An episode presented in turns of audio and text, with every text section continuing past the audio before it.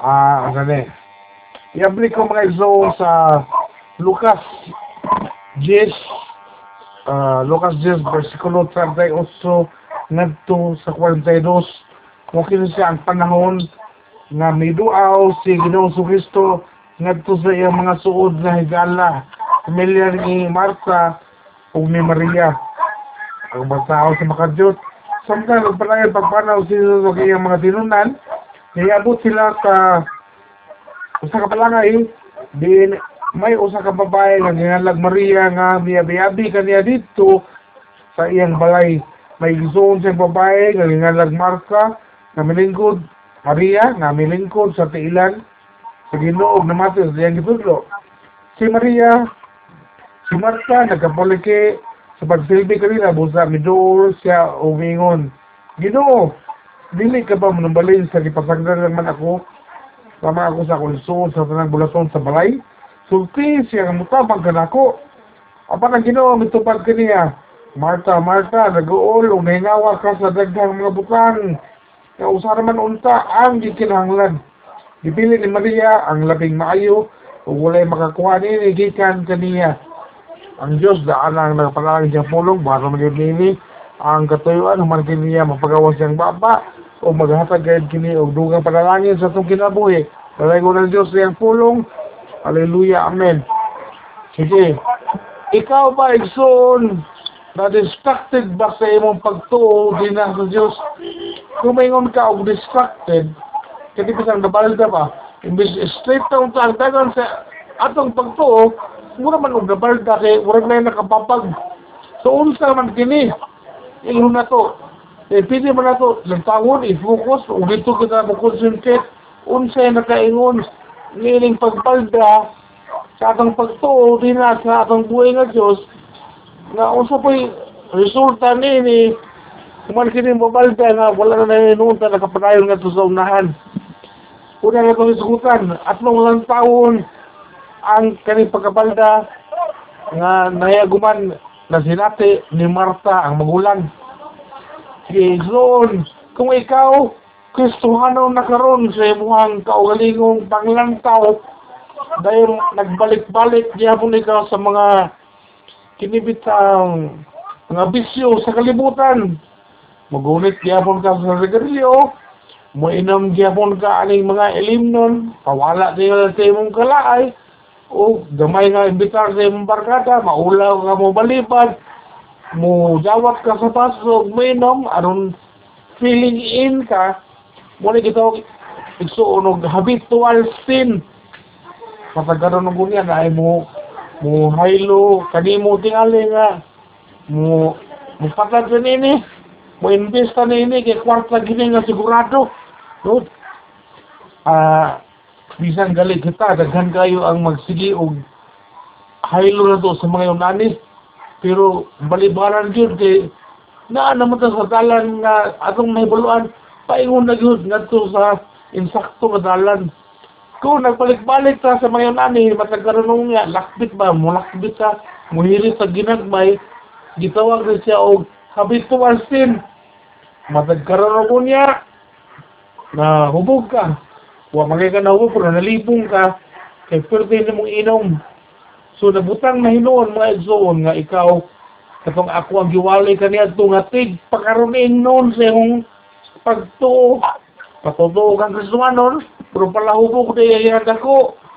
Unya ning sulod ka nining gitawag nato og habitual sin gibalik-balik nimo imong sala kaniya to walay kabaguhan nga imong gipakita nagpatuo ka nga bunagin ka po, muna gihapon pala hubog, gihapon ka ako.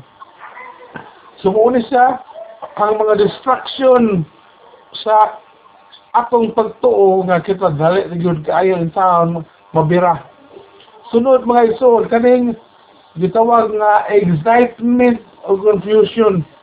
Kani bitang ah uh, unsa man excitement dali na kay mo kanang mag paspas ba kanang malipay din sa may mga pangita mo pero pinagto sa unahan di ay magkalibog-libog ka. Unsa man din, muna siya akong moto mga igsoon nga akong i-share ninyo karong gabi una. Mabasa kini din sa Proverbs 19 verse 2. Naganayon ang Proverbs 19 verse 2, dili maayo ang kadasig nga dili ubanan og kahibalo. Ang pagdali magdala kanimo sa kasamok mo gina akong moto sa kinabuhi nga pariya aning akong mga bantayan baka Maay na siya kanuhay, kaya human naman sa eskwela pagpapastor, na mastor na siya, automatic, gadali, dali. Dayon, di ay ito paabotonahan, nakasala, ning sipat, ning layat, wala na higit eh. Kami sa una, sa dili pa mo graduate, mga usa ka semana, sa dili pa among graduation, muatubang, muatubang anak sa among pangulong pastor. O sa sasag sa na, interviewon kami, Ah, kung daw na, dasi kayo. Ikaw, unsa man? Ah, ingon dito man, ako, ako na'y mamastor gyud ko na'y. Ah, grabe kay mga pamahayag ba? Ya, magabot ako. Oh, ikaw do Michael, unsa may imo ah? Imuon. Ingote, usa ka gyud akong natun-an sa Bible school. Tingala siya.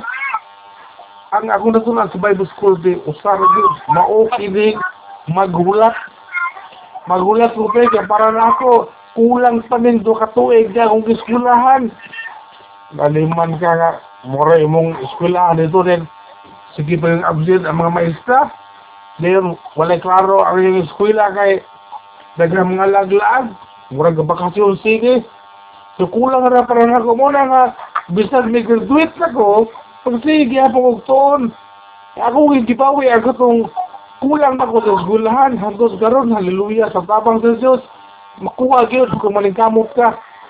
Tumingon tong among pangulong pastor sige do kung sa imong plano sulti ko. Kung sulti ano si kate kay masayo na kanini kung sa graso sa Diyos dili na ko mamuhat. Una nga kani ako at hiniingon nga dali kay gusto na ko masiguro kay ano kung dali dali ko atong panahon na na dahil ko unsa ba? Unya hilaw.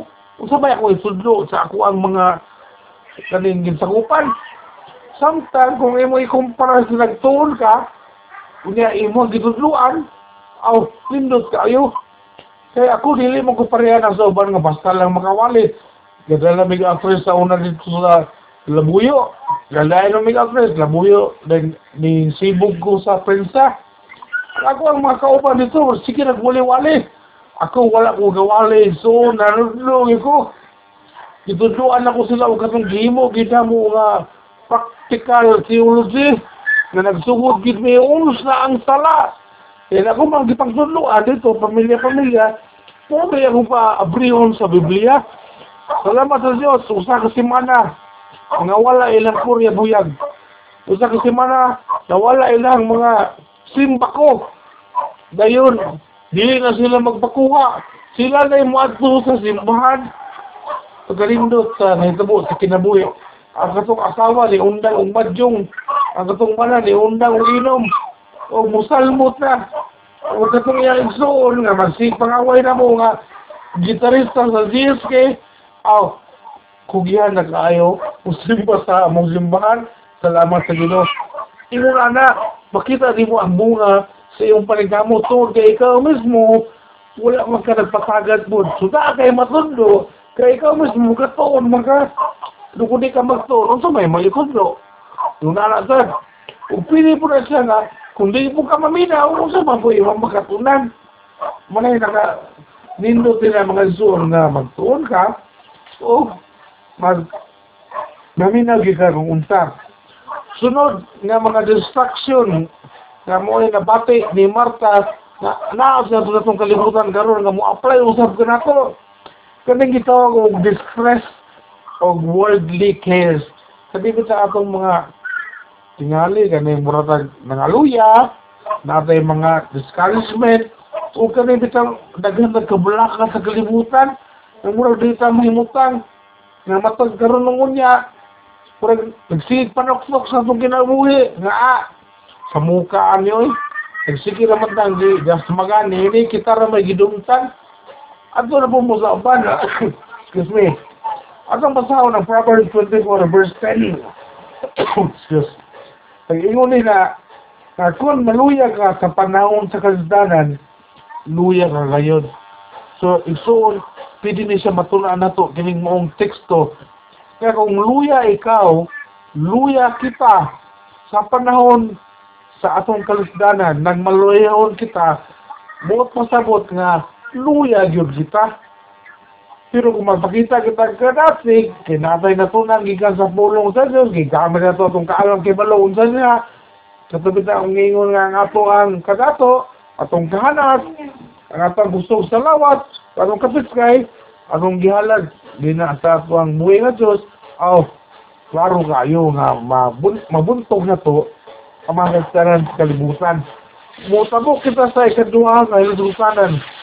Ang paghimo sa pagpili ni Maria, ang manghod, nga mausap ang atong pagpili usab. Ito na gimo ni Maria di kasi si Maria, naminaw sa pulong sa Diyos. Importante kayo, bahalag Mingon tingali mo nga.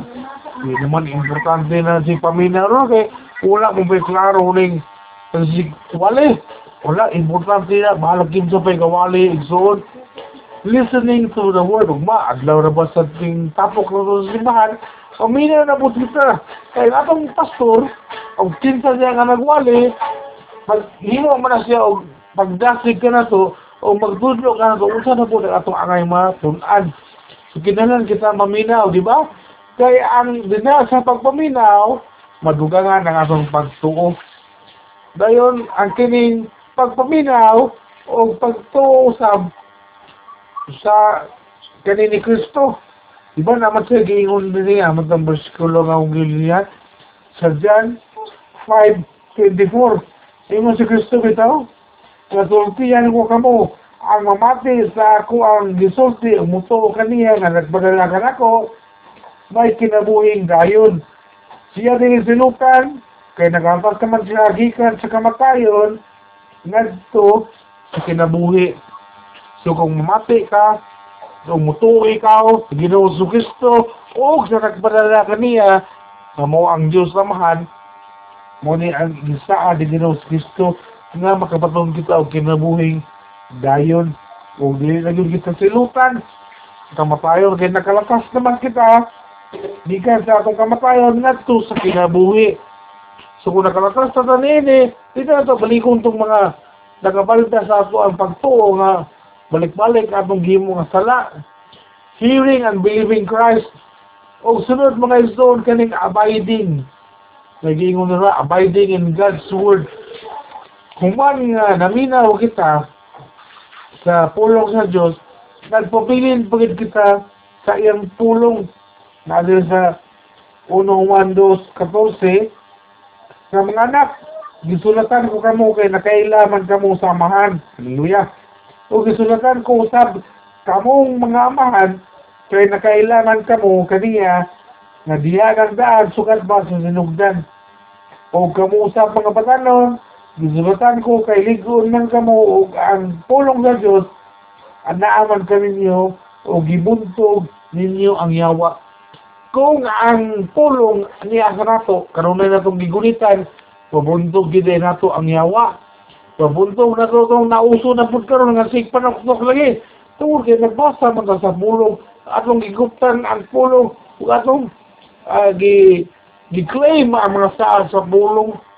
So, bago na mag-istorya ni Pastor Nick, mga mas paspal pa ka na mikatlag ang mga tabi sa tok-tok sa sariling mga pangitabo nga gi pangbrakel sa kapulisan. Kaning mga palaka mo na yung tok-tok, usahay sa kailan sa mga tao nga walay klaro ang pangitabo. Iyan na lang nimo pa. Pag-isa gi manok-tok, kaya kung gugol, Magdagan-dagan mo tago, hadlok man. Kung manuktok ka, mo tuyo, kung patay, unsa pa, sukli na mo hukod mo, ato pa nga. Hindi kayo mudagan ka, mutago. Ay uban nga, wala na gadi mo ang kinabuhi, kay wala sila tulog. Kay sige kabilar aning si panuktok. Ako rin nga, abre kayo umita, eh, labi kayong hangin, di panuhot na lang gugus hangin. Huwag may nanuktok, huwag may nangikap. So, di magkakay madlog, kay nagpapili naman ka sa pulong sa Diyos. So, dahil mo ng Diyos yung pulong. Sa akong pagtabos ka ron, mga igsoon, ang pagpaminaw sa pulong sa Dios mao ang atong pagpili sa maayong nga bahin. Kay gitang tanan mahatagan no? Ikaw ako mahatagan sa tanan. Naman ko gilinyahan kanina sa Salmo. Ah, Salmo 16 versikulo 5 akong basahon sa makadata Salmo 16 versikulo 5 ikaw na ngayon o ginawa ang kisaligan ko. Aw giyasagan mo ko sa kanan kong gikinahanglan. Ang akong kinabuhi na sa imong kamot.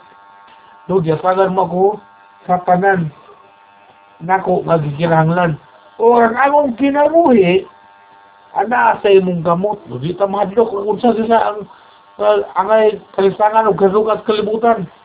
Ang ato lang nga kanunay kita ana kita sa tiilan sa Dios paminaw sa iyang bulong atong idibot gayud ang ato ang kaning panahon ang atong higayon ang atong adlaw unsa ba buntag uto hapon gabi nga maminaw kita sa bulong sa Dios daghan man kayo mga paagi nga mga paminaw kita sa bulong kaya ako galing, kung gilaayon ko, i-play raman ako akong cellphone.